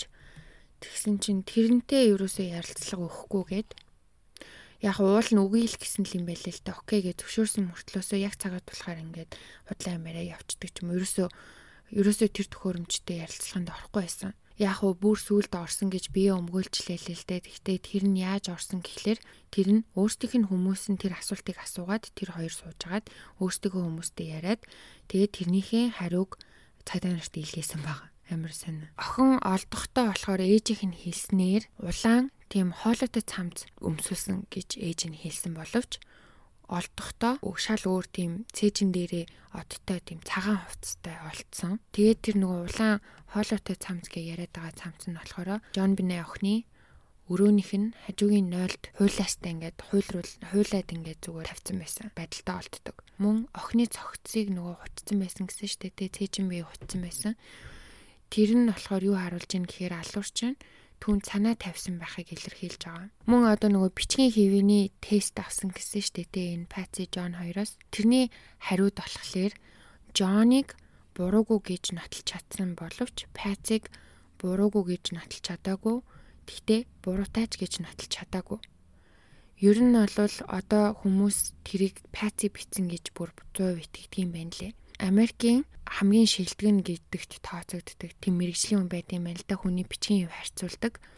Тэгсэн тэр хүний одоо дүгнэлтээр бол энэ бол 100% пацигийн бичсэн захиа байна гэсэн боловч тэрийг одоо тэр нөгөө тойргийн прокурор нь бас авч хэлцээгүй. За тэгээд энэ хоёр ер нь бол сэжигтэй юм маш их юм хийсэн л дээ. Баян хүмүүс ээжиж охин алуулчаад тах чинь те олигтойхон мөнгө хаяад одоо тэр юу эдийн телевиз радио бүх юм руу мөнгө хөнгүүд тэд нар чинь ажиллана штэ тий. Тэгэж ерөөсөө алуурчныг ч юм уу ямар нэгэн мэдээлэл асууж хайгаагүй. Тэгээ хаа байсан бүр 97 оны 4 сарын 27-нд нэг сонин 100 мянган доллар амлсан тийм мэдээлэл өгөөч гэсэн зар өгсөн байгаа байхгүй юу. Энэ хоёр ийм ийм одоо шалтгааны гол сэжигтнүүд байсан. За дээрэс нь тэдний хөрш Bill McReynolds гэдэг хүнийг бас сэжгэлж исэн. Тэр нь яасан гэхээр хэрэг болохоос 2 хоногийн өмнө Bill Ramsey-гийн гэрт нь ороод гарсан байна. За тэгээ 1974 онд Bill өөрөө өөрийнхөө охиныг тийм хүүхдийн хулгайчид бас алдчихсэн түүхтэй. Тэгээд нэг сони юм нь болохоор эхнэр нь хүүхэд хүчндүүлээд бейсменттэй алуулж байгаа тийм тухай яг тийм үйл явдал өрнөлттэй тийм цохол биччихсэн баг. Бэл бас яагаад сонин гэхлээр Джон Бны охин өөрт нь маш их дотн санагддаг байсан гэдгийг хэлдэг. Яасан гэхээр хэрэг болохоос өмнөхөн зүрхний хагалгаанд орсон байсан юм байна лээ. Бэл хэлэхдээ охины үхэл надад миний зүрхний хагалгаанаас ч илүү нөлөөлсөн гэж хэлсэн баг. Бэл болохоор Санта Клаус болж үе үе жүжиглдэг Тэгж яхад нь Джон Бинэ тэрэнд нэг юм жижигхэн савтай юм саа бэлгэлсэн байгаа. Тэрийг нь тэгсэн чинь Бэл бүр хагалгаанд орохдоо хүртэл авч орсон. Тэрнээс гадна хамгийн сонин нь их нэртэй намайг үхэх юм бол энэ сааг миний чандартай хамт холиорой гэж хэлсэн байгаа байхгүй юу? Амар сони. Амар эвгүй агаад. Амар эвгүй сонсогдож байна. Тий. Одоо хүүхдээ бодсон юм одоо нөгөө алдсан өөрийнхөө алдсан охиныг ботсон ч гэсэндээ бас арай л эвгүй эвгүй юу? Харин тийм. Тэгээд өмнө нь Санта Клаус болж одоо жүжиглж яхад нь хин ч өөрт нь бэлэг өгч байгаагүй учраас тэр нь одоо Джон Бинегийн өгсөн саана маш их тийм спешиал байсан гэж хэлдэг юм байна лээ. Гэхдээ Бэлийг энэ хэргийг хийсэн гих нотлох баримт бүр үнэхээр юу ч байгаагүй. Сэжгэлж байгаа хүний чагсалтаас хассан. За бас нэг сэжгэлж исэн хүн нь болохоор John Mark Carr гэдэг хүн байгаа. 2006 онд буюу хэрэг осноос 10 жилийн дараа сэжигтнэр татагдсан. Яасан гэсэн чинь энэ залуу 4 жилийн турш нэг сэтгүүлчтэй имэйлээр харилцдаг байсан ба. Тэр тэр сэтгүүлч болохоор энэ ер нь нэг юм хачин болж утггүй итгээд байна гэдгийг мэдэнгүүтээ юу ч болоогүй юм шигтэй өөрөө нэг хачингааж итгээд юм шиг би чамайг амар ойлгож ийн болгож ийн гэдэг ингээ хамаг нууцыг яриулахын тулд энэ хоёр ингээ хачаа амар муухай имэйлүүд дөрөв бүтэн 4 жилийн турш солилцдог байсан байгаа байхгүй юу. Тэгээд нэг өдөр имэйлдээ энэ залуу хэлэхдээ би өстө Джон Бенед амар хайртай би дурлцсан байсан те дурлцсан би тэгээ тэрийг алчихсан толгойг нь гарч идэнгээр цохоод алсан малсан гэд сэтгүүлч рүүгээ бичиж явуулсан байсан. Тэрнийхэн дагуу энэ залууг хайсан чинь Америкаас орхсон байсан. Энэ залуу Америкаас орхсон шалтгаан нь юу байсан гэхээр насан туршаагүй хүүхдийн порно кинотой холбоотой хэрэгтэй холбогдоод байсан. Тэгээд зүгтсэн баг. Англи Таиланд болон Америкийн мөрдөх товчоонууд хамтарч ажиллаж агаад энэ залууг Таиландын Бангкок хотоос олж Америкт авчирч ялалтгаа. Джон Бине охины хэрэгт энэ залуу хамааралгүй гэдг нь маш хурдан тогтоогдтго л доо өөрөө хичнээн би алсан гэж хэлсэн ч гэсэндэ цагдаа нар хэлэхдээ энэ хүнтэй ерөөсөө юм яриад хагас өдрийн дотор л энэ угаас судлаа ярьж байгаа гэдгийг мэддэгдээд хэлсэн л дээ. Хэрэгт ерөөсөө огт толбоогүй тогтоогдсон хэргийн газартай тэрний ер нь ярьж байгаа юмнууд нь ерөөсөө тохироогүй маш их юм зөрсөн. Тэглээч гэсэндээ хэрэг болсон өдөр энэ Колорадо мууж байтугай Жоржиа муужид явж исэн тэм зургийг нь олсон. Тэгэхээр энэ зүгээр одоо нэг тийм сонин хүмүүс эдэн шүү дээ хийгээгүй хэрэгээ би хийсэн гэж од болох гээд байдаг ч юм уу. Тийм л зүгээр нэг дүрсгийч байсан юм байна лээ. хүмүүс. Аа. Магадгүй тий. Тий.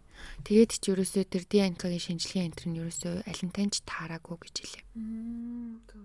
Одоо тэгэхээр одоо хин хаалсан бэ гэсэн хитэн таамаглал төдийл юмнууд үлдсэн байгаа. Тэгээд таамаглалуудын тухай ярив. За нэгдүгээр таамаглал бол паци хүмүүс пациг охин алсан гэж үздэг. Яагаад гэхээр одоо нөгөө гэрийн үйлчлэгч нь Джон Бине орондоо шийчээд идэг гэж хэлсэн штэ тий. Тэрнтэй холбогдуулаад охиныг шүн шээгээд ээжигээ одоо сэрээсэн ч юм уу яасан ч мэдгүй ямар ч байсан охин шүн орондоо шээсэн паци уурлаад цохоод авсан чинь унаад э, толгоогоо бааны ирмэг дээр цохоод авлын ясаа хугалсан гэж үзэж байгаа. Тэгэнгүүт нөгөө паци чи сандраад хүүхдээ алчлаа гэж айгаад нөгөө сэрэхгүй болохоор 45 минутаас 2 цагийн дараа боомлсон гэсэн штеп. Тэгэхээр мэдээж 45 минут ухаангүй хөвтчихэр чинь хүн айн штэ тий. Тэгээд би ингээ охиноо алчлаа гэд сандарсандаа ерөөсөө өөр хүн болоход бүх юмыг ингээ зохиомлоор хийчихье гэд тэгээд одоо тэр бүх юмыг зохиомлоор хийсэн. Өөрөө тэгээд өөрийнх нь бичгийг таарад байгаа штэ тий. Өөрөө тэр юугаа битсэн. Аа тэгээд энэ бүх болж байгаа процессыг болохоро Джон нөхөр нь ерөөсөн мдээгүй гэж нэг тийм таамаглал байгаа байхгүй юу? Тэгээд яхав нөгөө ягаад энэ таамаглал дэмжигддэг гэхлээрэ паци нөгөө хувцаад солиог байсан гэсэн штэ яхав шүнжэнгөө тэгээд тийм их юмтай ноцолтой зурлаач гэдэг юм уу завгүй ээж хувцас солиог ч юм уу. Тэгээд яагаад нөгөө Рамзигийнхан дандаа үгүй үгүй шээгээгүй шээгээгүй гэд зүтгээд байдаг вэ гэхлээр одоо нэгдүгээрт тэр пацигийн хэргийг дэмжиж дэмжиж байгаа. Хоёрдугаарт ямар хүүхдүүд ийм том нас одоо том болтлоо шээдэг гэхээр ямар нэгэн байдлаар бэлгийн хүчрхийлд орж байгаа хүүхдүүд шээгээд идэг гинэ. Тийм бүр одоо статистик бас байдаг юм байна л да. Тэгээ яагаад тэгдэг гэхээр хөөрхөн амтан бие хамгаалах гад шээжгийн болвол энэ хүн надаас чигшээд одоо намайг хүчрхийлэхгүй гэдэг тийм далд ухамсартай нэг тийм юм байдаг юм байна л да. Тэгээ тэгээд тэгчээд байдаг.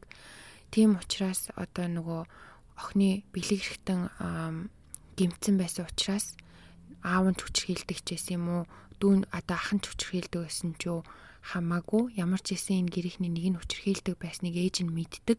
Тэгээд мицэрэж нуун далталдаг. Тийм учраас шээс нь одоо тэр шээс шээдэг шээстэй холбоотой зүйлийг ерөөсөө гэр бүлэрээ бүгдээрээ үүсгдэг гэж аахгүй юу. Тэгээд пацигийн ээж нь хүртэл одоо пацигийн гэр бүлийнх нь хүртэл энийг үүсгдэг гэсэн. Тэр одоо үнэн юм уу, худлаа юм уу үнэхээр мэдгүй. Одоо энэ дандаа л тэр тэгсэн энэ гэсэн гэсэн яриа болоод байгаа байхгүй юу? Тэгээ нэг удаа би би лгоо нөгөө нэг чичирсэн л хэрэг болж таарад байна тий нэг телевизийн нэг богинохон ярилцлага байсан. Тэрэн дээр сурвалжлагч асууж байгаа хгүй юу. Одоо ингээд Джон Бинэг ингээд шээдэг, орондоо шээдэг байснаас нь болоод чамааг охиноо уурлаад алдсан гэж хүмүүс гадуур яриад байна. Чи энд хоёо гэж бодож байна. Гэ пайцаас сусан чинь өндгөвчний хорт автартай байсан юм байна л та пайцын өөрөө хэлэхдээ тийж би одоо ингээд энэ олон жил өндгөвчний хорт автартай тэмтэж байна тий амь наан там цаан тэмтэж байна Тэгээд хүн ингээд үхлэлтийн ирмэг дээр ирэхлээр юу амьдралд яг хамгийн чухал юу чухал биш вэ гэдэг чинь маш тодорхой болдгоо. Хүүхэд одоо орондоо шээх болвол энэ бол нэг том асуудал бол биш ээ. Энэ бол хизээч одоо ийм өвчтөе хүний хувьд хизээч ийм том асуудал биш энтер гэж хариулсан байлээ. Тэр нь бас айгүй сонирхолтой санагдсан. За хоёрдугаар таамаглал юу вэ гэхээр аав налсан гэж таамаглаж байгаа. За энэ бол өмнөхтэй ерөнхийдөө ижилхэн. Гэхдээ Джон охиноо удаан хугацаанд хүчирхийлдэг байсан гих таамаглал байгаа. За тэр өдөр магадгүй охин үгүй гэд одоо сөргөөсөн ч юм уу эсвэл орилох орилоод хийсэн ч юм уу ямар нэгэн байдлаар эсэргүүцээд байхад нь Джон цохоод авсан чинь нөгөөдг нь аваачаад хитрхи хүчтэй ч юм уу ухаан алдуулчих байгаа байхгүй бас үгсэн гэж бодоод адилхан ямар нэг байдлаар одоо эхнэрээ сэрэж хэлсэн байгаа болж таарж аяа тэгэхээр пацигийн одоо пацил захиа битсэн болж тараад байгаа шүү дээ. Тэгэхээр ер нь яагаад паци нөхрөө өмөрч туслах вэ гэсэн бас асуулт гарч ирж байгаа хэл та. Одоо охиныг нь хүчрхийлээд байхад яхаараа нөхрөөгөө өмөрнө гэж. Магадгүй санхүүгийн хамааралтай аж болох юм те. Юу энэ таамаглалыг дэмжиж байгаа вэ гэхээр том болтлоо оронд шийдэг хүүхдүүд хэрхийлэл тэр дундаа бэлгийн хүчирхийлэлд ордог байх нь өндөр магадaltaй гэсэн статистик байдгийг хэлсэн. Дээрээс нь Mind Hunter гэдэг одоо Netflix дээр байдаг цуврал кино дээ тий. Тэр болохоор дээр үед ном байсан юм байна л да. Тэгээ тэр Mind Hunter номыг маш их уншдаг байсан. Тийм учраас ер нь яаж хэрийг нуун дарагдуулах ч юм уу тиймэрхүү талын амар мэдлэгтэй гэж хүмүүс үзсэн баа. Амар нийттэй. Тэгэхээр одоо бид нар бид нар одоо янз бүрийн байдлаар хэрэг төвхт орооцолдог юм бол амар с ิจ гтэн болох магадaltaй юм шиг.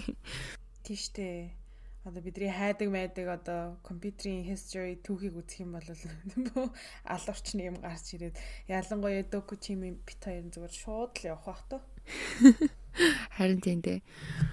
А бас нэг юм бас нэг юм хүмүүсийн ярьж байгаа болохоор одоо нөгөө өмнөх гэрлэлтээсээ 3 хүүхэдтэй ээж байгаа нэг нь автын ослоор алдсан гэжсэн шүү дээ. Тэр охиныгоо нас ороход Джон бүр илттэй ойр дотны хүмүүстэй ингээд ойр тойрны хүмүүстэй илт бүр сэтгэлийн бүр гүн хямралд ороод бүр нүдэн дээр нь тэг ямар их шархалж байгаа айгүй их одоо харагдаж мэдрэгдэжсэн гинэ. Тэгсэн чинь Джон Бинег нас ороход ямар ч эмоц үзүүлээгүй гэж ярьдаг.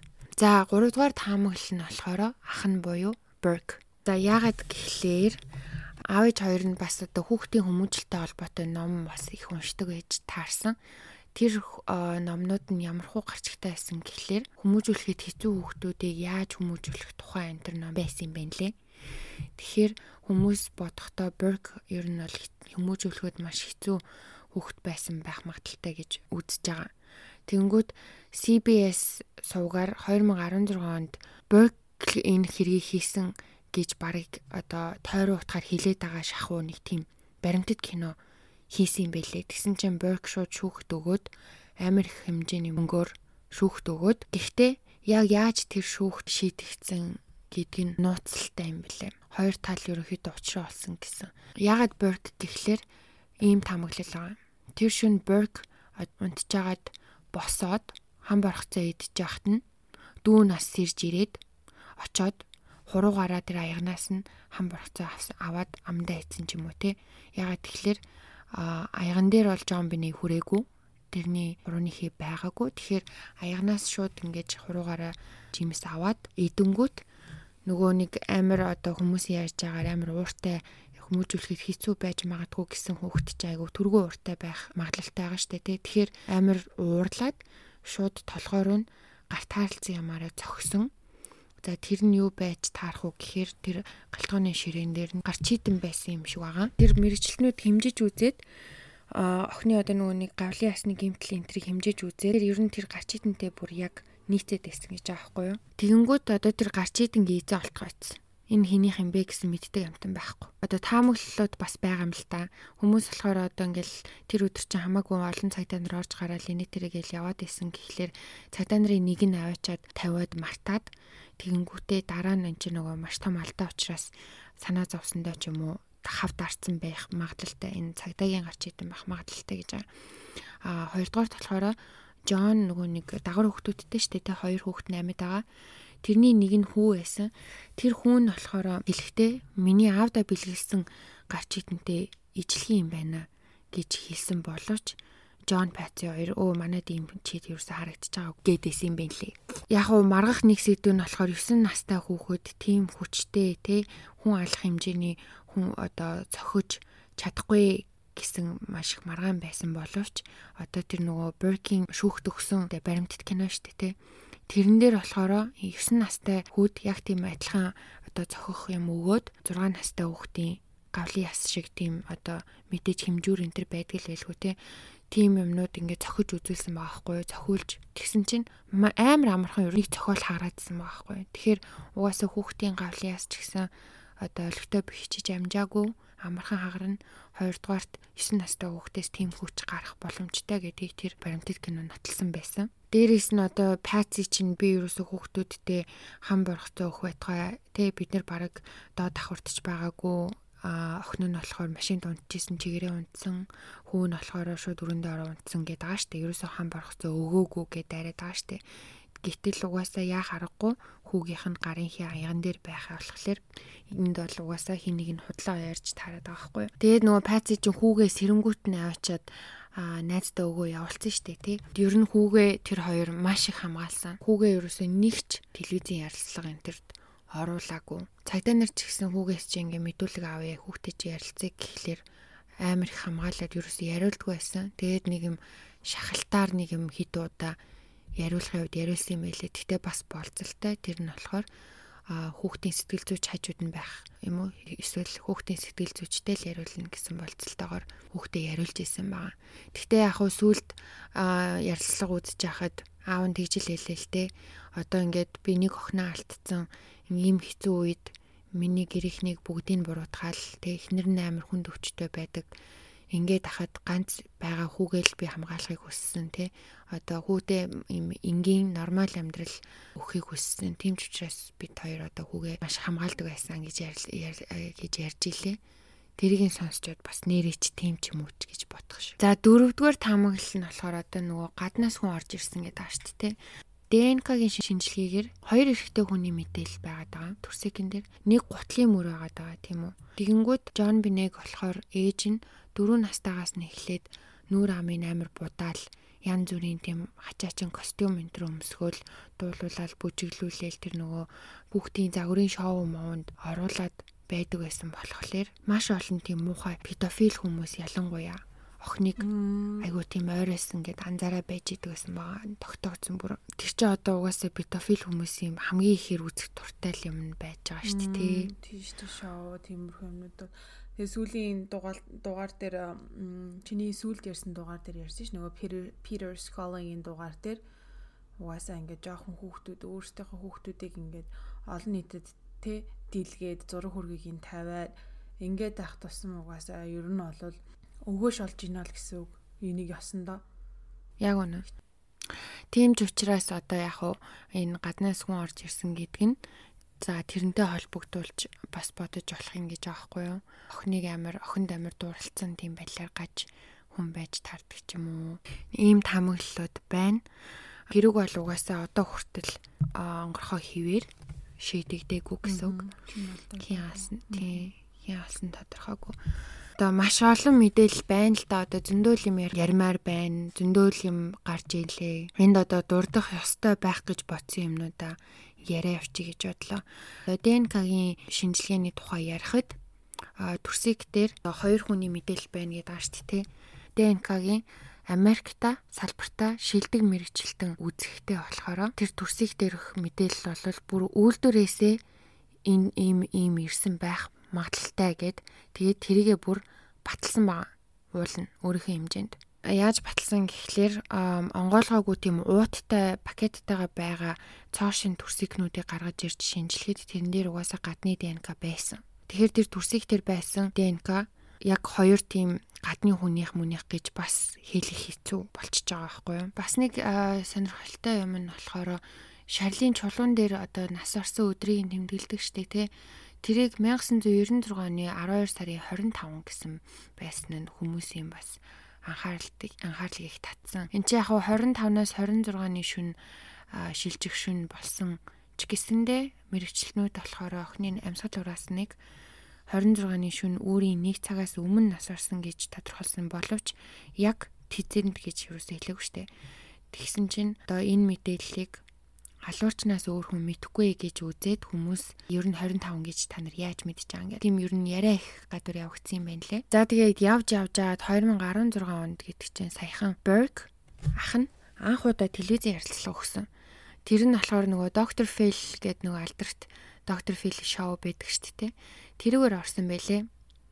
За тэрэн дээр бас буруутсан, буруутсан. Berg ч ерөөсөө ярилцлага өгөхөлгүй бүр 9 настайгаас хойш нэг ч ярилцлага өгөөгүй явж агаад одоо ярилцлага өгж байгаа штэ. Тэгсэн чинь хүмүүс маш ихээр шүүмжилсэн бас амар их гайхацгаасаа яасан гэсэн чинь ярилцлагын турш одоо нас орсон дүүгийнхэн тухай яриад ах чинь яд амар тийм инээгээ яриад байхгүй юу? Нэг сонио.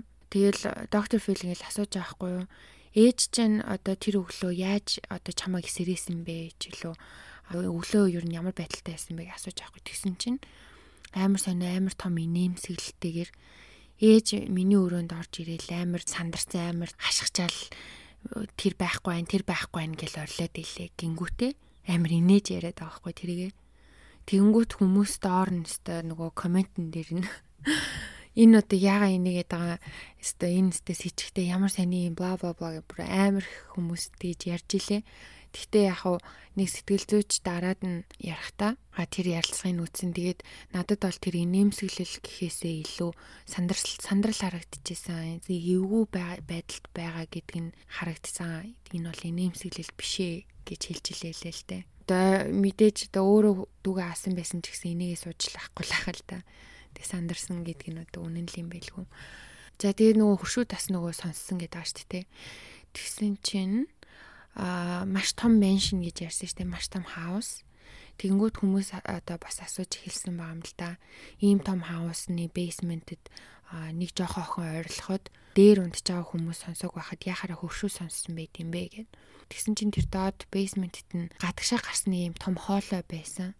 Тэгээ тэр өрөөнд ингээ ойрлохоор тэр хоолоогоор дамжуулаад гадагшаа хүний ойрлож байгаа үнэхээр тэр айлд сонсогдчихсэн. А гэхдээ яг тэр ойрлолт дээр давхарт үнэхээр сонсогдохгүй байсан гэж аахгүй туршилт хийхэд. Тэгэхээр тэр хуршууд үнэн ярьж байгаа байх боломжтой болж таарж байгаа. Одоо мөрдөн байцаагч Линда гэд нэг хүн байгаад байгаа штэ тэг ярьсан. Энэ хүн бас нэг сонирхолтой юм яриад байдаг. Энэ юу гэсэн бэ гэхлээр Джон охины цогцыг олцоод одоо дээшээ гаргаж ирээд Линда энэ хоёр чинь цогц дээр ингэ байжсэн штэ тэг. Тэгэхэд Линда суцыг барьж үзчихэд охин чинь нас орсон байна гэж хэлсэн чинь Джон энэ бол дотроос өшүүл гэсэн гэж аахгүй юу. This is an inside job гэсэн байгаа байхгүй юу. Амар сонио. Тэгэнгүүтээ бас бас нэг сонирхолтой юм хэлсэн нь юу гэсэн бэ гэхлээр яг тэр охины цогцсон дээр хоёлаа ингээд өөдөөс хараа байж хахад ингээд үг үгээр биш ч гэсэндээ харцаараа бит хоёр баг ойлголцсон. Би яг тэр үед аюулт байгаа гэдгээ би өөрөө ойлгосон.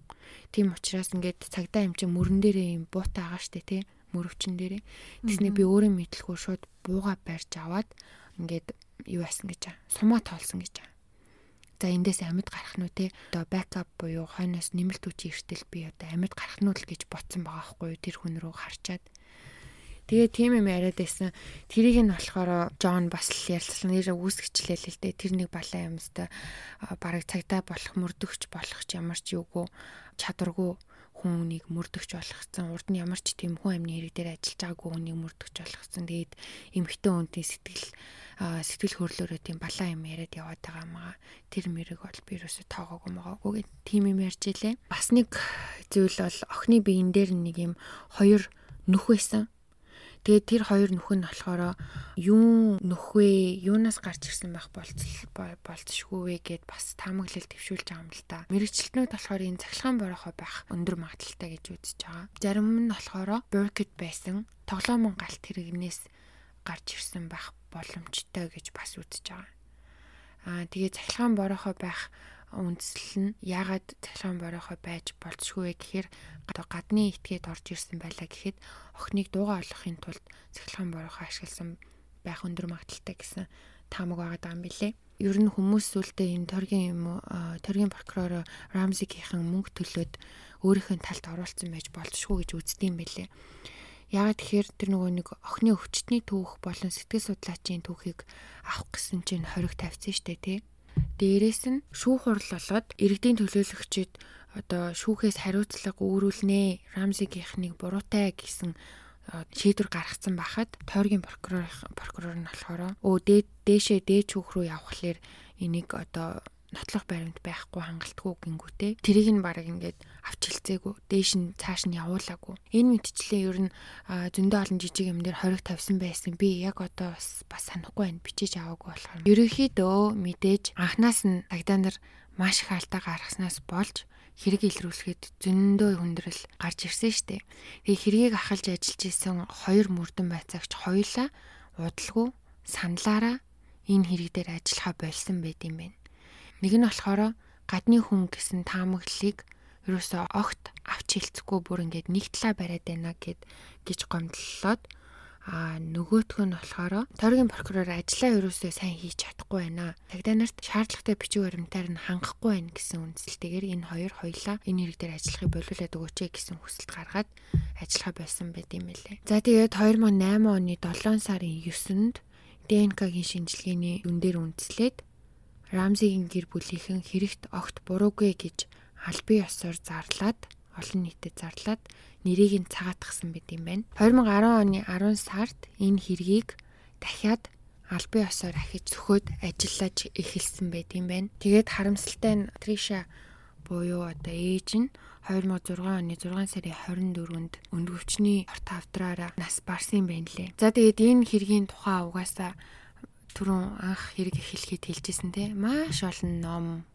Зөндөө олон кино, баримтат кино байд юм байлээ. Тэгээд манайхан ямар кино мино гэж асуухаасаа өмнө зүгээр нэрийг нь бичээд хаагаад үзээрэй зөндөө олон кинонууд байгаа. Би ч баг бүгдийг нь үзэж амжаагүй. Тэгэл угаасаа кино болгон одоо кино ч гэжтэй одоо хөвчлэн баримтат кино байгаа. Баримтат кино болгон дандаа найруулагч болгон өөр өөрийнхөө өнцгөөс явуулж байгаа учраас зарим нэг нь болохоор гадны этгээдийг илүү буруутай гэдгийг нь баталсан. Зарим нэг нь болохоор ээж аавыг нь буруутай гэдгийг нь баталсан. Зарим нэг нь хүүг буруутай гэж наталсан им янз бүрийн кинонууд байд юм байна лээ. Тэр болгоныг олж үзээд өөрөө өөртөндөө дүн шинжилгээ хийгээд тэгээд юу гэж бодож гин хин алсан байх боломжтой та нар хин ер нь хэргийг үлдсэн бол гэж бодож гин бит хоёртой санал бодлоо доор комент хэсэгт хуваалцаарай. За тэгээд нэг ийм хэрэг байна дад бол маа минь. Нажаа харин амар драматай хэрэг байна. Угаасаа нөгөө нэг олон кино байх нь аргагүй л да. Ягаад гэвэл учир нь олдоогүй хэрэг. Тэгээд дээрээс нь ингээд амар олон төрлийн тал талын фактор орж ирж байгаа. Ингээд бүр амар олон өнцгөөс харж шүүмжлэх тийм боломжтой хэрэг болохоор одоо нөгөө кино хийдэг тэр найруулагч нар ингээд бүр угаасаа хүн болгон өөр өөрийн өнцгтэй байгаа тий. Тийм болохоор кино бол маш олон байгаа байгаа гэдэгт бол гайхахгүй байна би. Аа. Бас нэг ийм сонирхолтой факт юу сонирхолтой мэдээлэл байсан. Нөгөө хэрэг дөнгөж гараад яхад мэдээллээр маш их шуурсан. Яагаад шуурсан гэхлээр охины нөгөө нэг тэмцээнд оролцож исэн бичлэгүүд эн тэнд тавигдсан чинь аа хүн болгон анхаарч эхэлсэн байгаа хгүй юу. Тэгээд тухайн үедээ бүх энэ сонин сэтгүүллийн газрууд ерөөсөө энэ хэргийн тухай юу ч байсан хамаагүй хамгийн ихний нүрэндээ охины зургийг тавиад нийтлэл бич гэсэн даалгавар цаанаас нь өгцгөөж исэн гинэ. Яагаад тэгэхээр охины нүрэ орсон сонин сэтгүүл бүр дор хаяж 500 мянган ширхэг бол заавал зарагддаг гэсэн гэж аахгүй нэмэлтээр. Тэгээд өстө хэвлэл мэдээллийнхэн энэ дээр бүр ингээд галзуурч байлдцгааж исэн. Тэгээд ер нь маш алдартай хэрэгүүдийн нэг. Яагаад тэгэхээр ер нь хүн амны хэрэг энэ төр дөнгөж одоо телевизээр цацдаг энэ төр болж эхэлж исэн юм бэлээ тухайн үед OJ Simpson-ы бас алдартай хэрэг байдаг шүү дээ. Тэрнээс хойш л ер нь аллаг гэмт хэргийн одоо тухайн мэдээллүүд болон иймэрхүү материалуудыг хүмүүс айгүй олноороо үздэг болсон гэж байгаа байхгүй юу. Тэгэхээр энэ хэрэг яг OJ Simpson-ы хэрэгээс нэг удаагүй болсон учраас хүмүүс ингээд одоо халуун дээрээ байсан гэх юм уу. Хүн болгон бүр ингээд анхаарлаа ингээд э, ийш нь хандуулсан байгаа байхгүй юу. Тэгээ одоо ингээл жишээ нь өөр подкастууд энэ төр сонсож байхлаар энэ Америкчууд нь өөрсдөө тэгж яриад байгаа. Тэр үед би одоо ингээд 4 настай байсан. Эсвэл хэрэг гарах үед би одоо тэр үед 10 настай байсан. Би өстой бүгдийн санджийн ингээл баг мэдээ орхосоо хойш энэ хэргийг ингээл уншаал яваад байгаа. Дагаал одоо шинэ мэдээлэл гарч ирэх болгонд ингээл дагаал амар тийм оюун санааны хувьд ч гэсэн амар юм холбоотой болцсон гэх юм уу. Тэгж ярдсан бэлээ. Тэгэхээр Америкчууд ер нь энэ хэргийг маш олноороо шүүж байгаа. Тэгсэн гэдгийг ч одоо харамсалтай нь бодтой өөр түнд хүрээг байгаа юм бэлээ. Тэгээ би яг хөө сая ингээд чамайг ярьж ах чинь илээ. Надад бол нэг тийм онол байна. Наан за.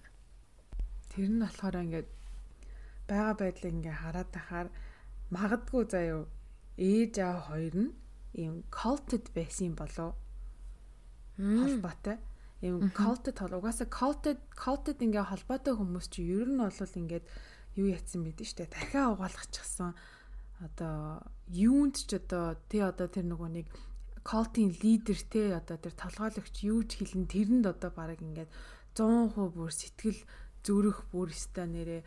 Биеийнхаа бүх эсээр бүр итгэдэг тийм болцсон байдэн штэ. Одоо зарим одоо колтод орсон хүмүүс тийм байсан байж магадгүй. Тэгээ яг уу одоо охноо золиосол гэсэн ч юм уу ингэ гэсэн гэдэг нөгөө нэг колтынх нь хүн хэлсэн юм уу те тэгээд одоо би надад тэгээд санагдчихээн л да одоо магадгүй нөхрөөрөө толгоолуулаад эхнэр нь одоо тэр захаа гिचээд тэ нөхөр нь ингээ алаа. Тэгээ хүүхэд нь одоо том хүүн тэ тэр 9 настай байсан гэсэн тэ Berg тэр үед ээж аавынхаа угаасаа л үгэнд орно. 9 настай хүүхэд юу мэдх юм бэ те?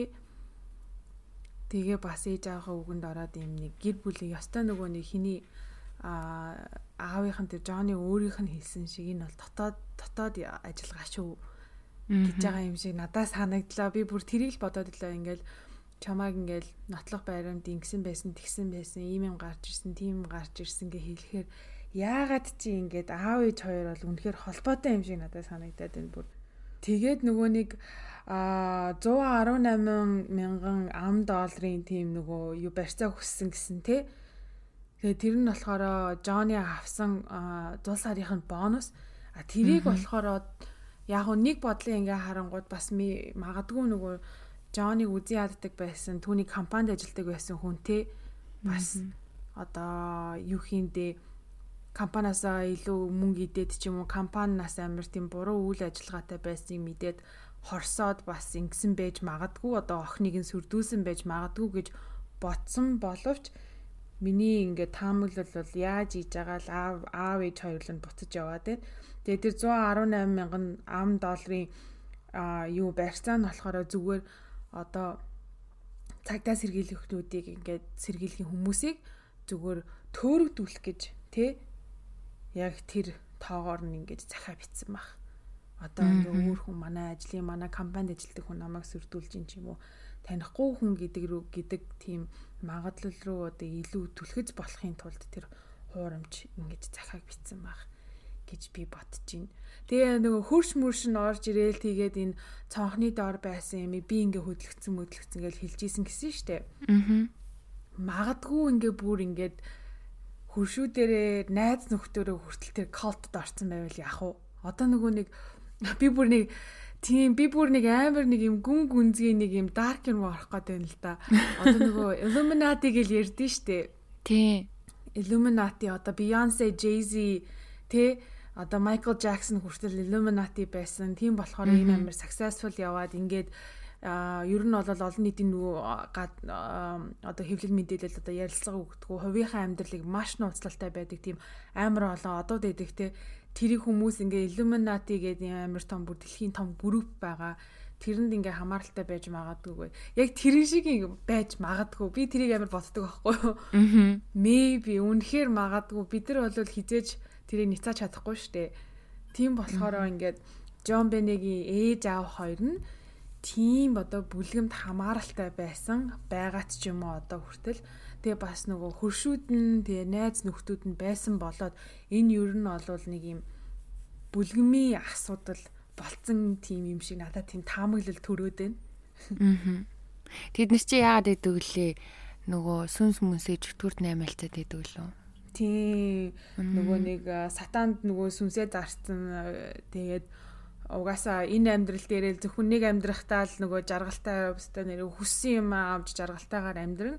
А гэхдээ амьсгал хураасныхаа дараа бүх юм дуустал одоо сүнсэн чөтгөрийн төлөө зүтгэх ёстой. Зовох ёстой одоо хийх юм хийх ёстой гэдэг. Мөнхөдөө мэдгүй тийм мөнхөд магадгүй тийм юмд холбоотой байсан хүмүүс байж магадгүй. Энд тэгтээ бүр үнэхээр амар сонирхолтой кейсээ ингээд бүр ингээд нөгөө юу ячдээ алцгануулчдээ штэ ингээд.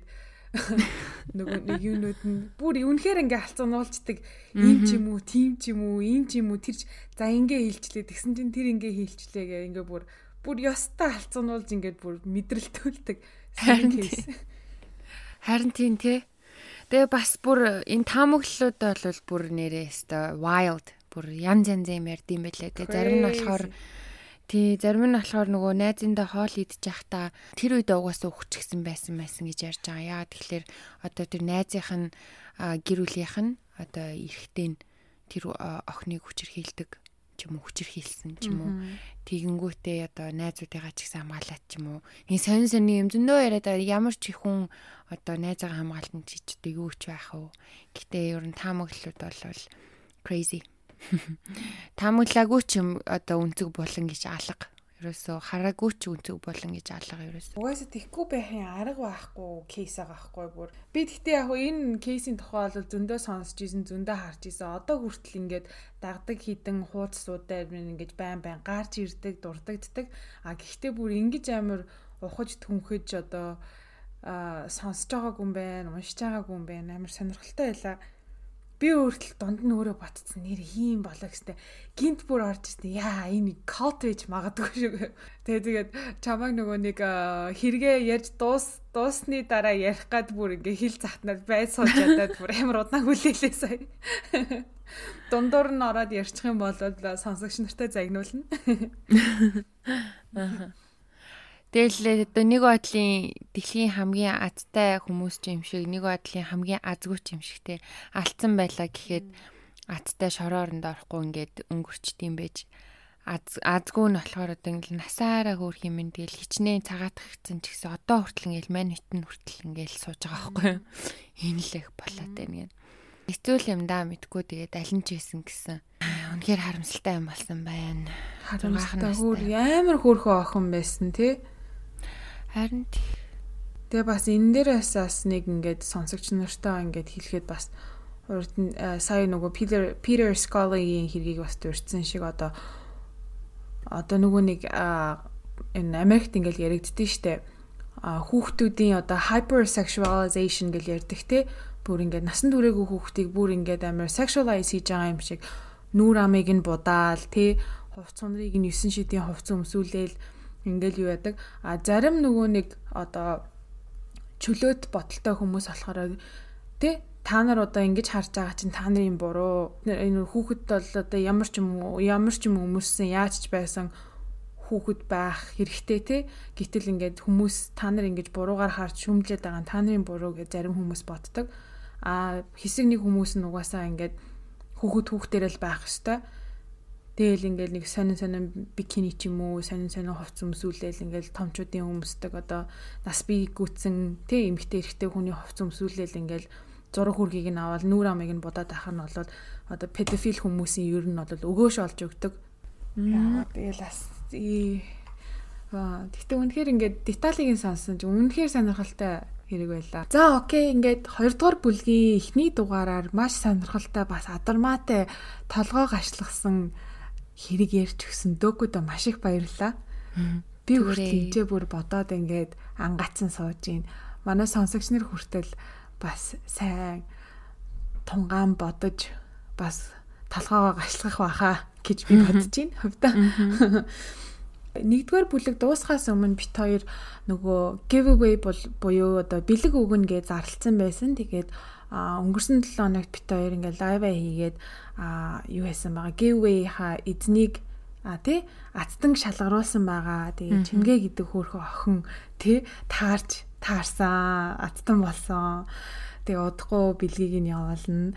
А тэгээд бас ацдан э, тодруулах гад лайв хийсэн байгаа. Гэвч нөгөө техникийн алдаагаас болоо бит хоёр нөгөө хадгалаагүй. А учир нь гэвэл угаасаа бит хоёр нөгөө нэг урд нь ерөөсөө бүр хувийн чанараарчээ те ингээ подкастын чанараарчээ ерөөсөө лайв хийж үзээгүй болохоор учир чанцыг нь ойлгохгүй нилээн бүдэлсэн те хоёлаа. Тэгсэн байгаа. Тэгээд гэтээ яг нөгөө нэг лайв хийж явах явцад манай сонсогчд амар гоё ингээд амар сонирхолтой гойгоо асуултууд явуулж исэн асууж исэн.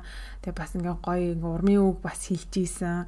Аа тэгээд бит хоёр ч гэсэн өөрсдөнд нь амар гоё фан эс аахгүй амар хөвгчлээ санагцсан.